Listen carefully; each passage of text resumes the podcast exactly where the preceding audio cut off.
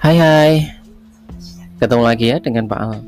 Kali ini coba untuk menerangkan satu tema yang sangat-sangat mungkin menggelitik kita ya. Terkait dengan apa yang terjadi di sekitar kita tetapi tidak sempat untuk terselesaikan. Nah baru-baru ini kita menerima banyak hal ya terutama kalau sedang kuliah ya.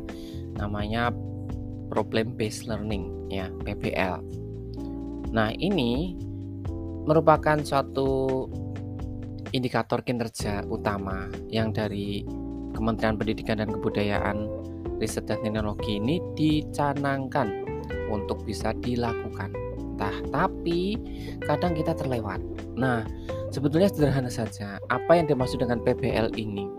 PBL ini itu adalah mengangkat permasalahan di sekitar kita permasalahan yang ada di mitra kita, permasalahan yang ada di depan dan belakang kita, samping kanan, samping kiri gitu ya.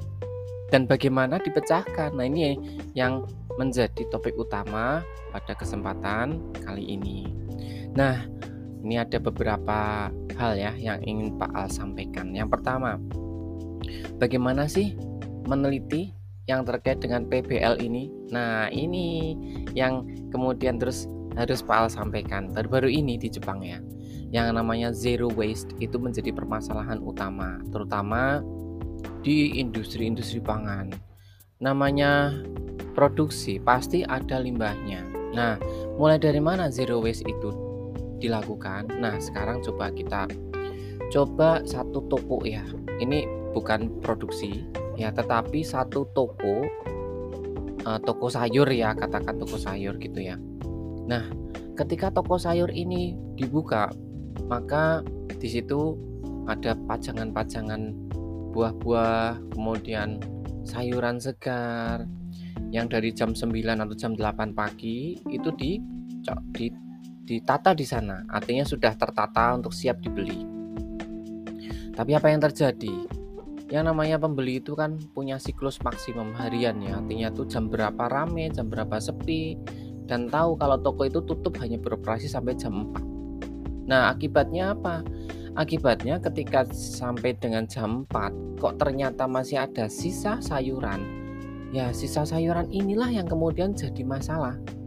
Toko tersebut itu biasanya akan mengembalikan, akan membuat apa istilahnya tuh retur ya. Tapi banyak yang tidak tersampaikan. Artinya banyak yang tidak diambil. Yang akhirnya apa? Terbuang percuma.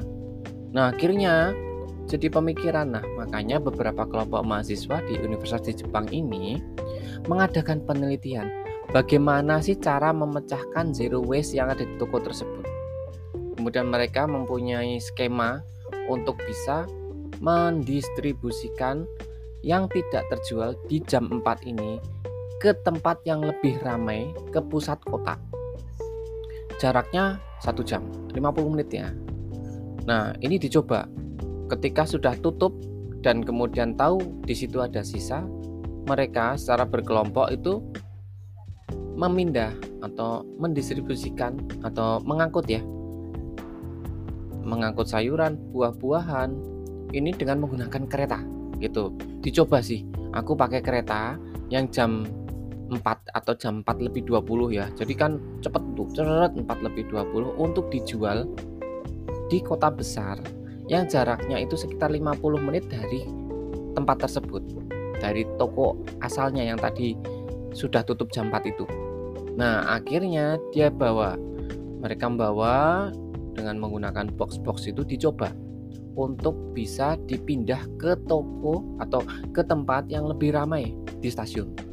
Akhirnya dibawalah ke stasiun di situ yang akhirnya digelar dagangan jam 5 dan jam 5 ini itu nampaknya itu adalah jam favorit para uh, pekerja itu pulang.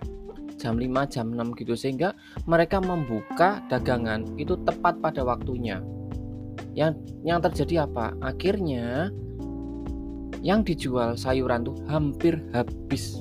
Tersisa cuma tinggal dikit dalam waktu 2 jam saja Nah, akhirnya didapatlah sebuah strategi sebetulnya zero waste itu mudah. Selama orang-orang tuh mendukungnya, selama ada fasilitas yang memang bisa digunakan. Akhirnya apa? si toko yang tadi menjual sayuran itu tidak pusing tidak pusing-pusing untuk membuang sayuran yang tadi tidak laku atau tidak usah yang nantinya mengembalikan ke, petani, ke petaninya. Nah, ini yang kemudian jadi pikiran pertama kita kenapa problem based learning itu dicanangkan oleh pemerintah? Karena kita sebenarnya punya masalah kecil-kecil seperti itu. Sekarang bukan lagi membandingkan mana yang dipacul mana yang tidak. Bukan lagi zamannya membandingkan mana yang ditambah garam dan mana yang tidak ditambah garam. Bukan. Ke arah yang namanya problem based learning. Perlakuan memang kadang kita jadi masalah ya terhadap perlakuan tersebut ya aduh ini gimana melakukan penelitian tetapi dengan skema pelatihan yang penelitian yang problem based learning kita bisa mengemukakan suatu strategi kemudian mencoba kemudian menggunakan QDA qualitative data analysis yang nanti terus akhirnya terstruktur secara eksplor eksploratif terstruktur yang akhirnya dibahas. Nah, ini yang sedang digalakan oleh pemerintah. Nah, sekarang silahkan kalian komentar apa yang mungkin menjadi ide ataupun mungkin pemahaman yang lain terkait dengan PBL ini. Nah, begitu saja ya informasi dan sampai jumpa lagi. Bye bye.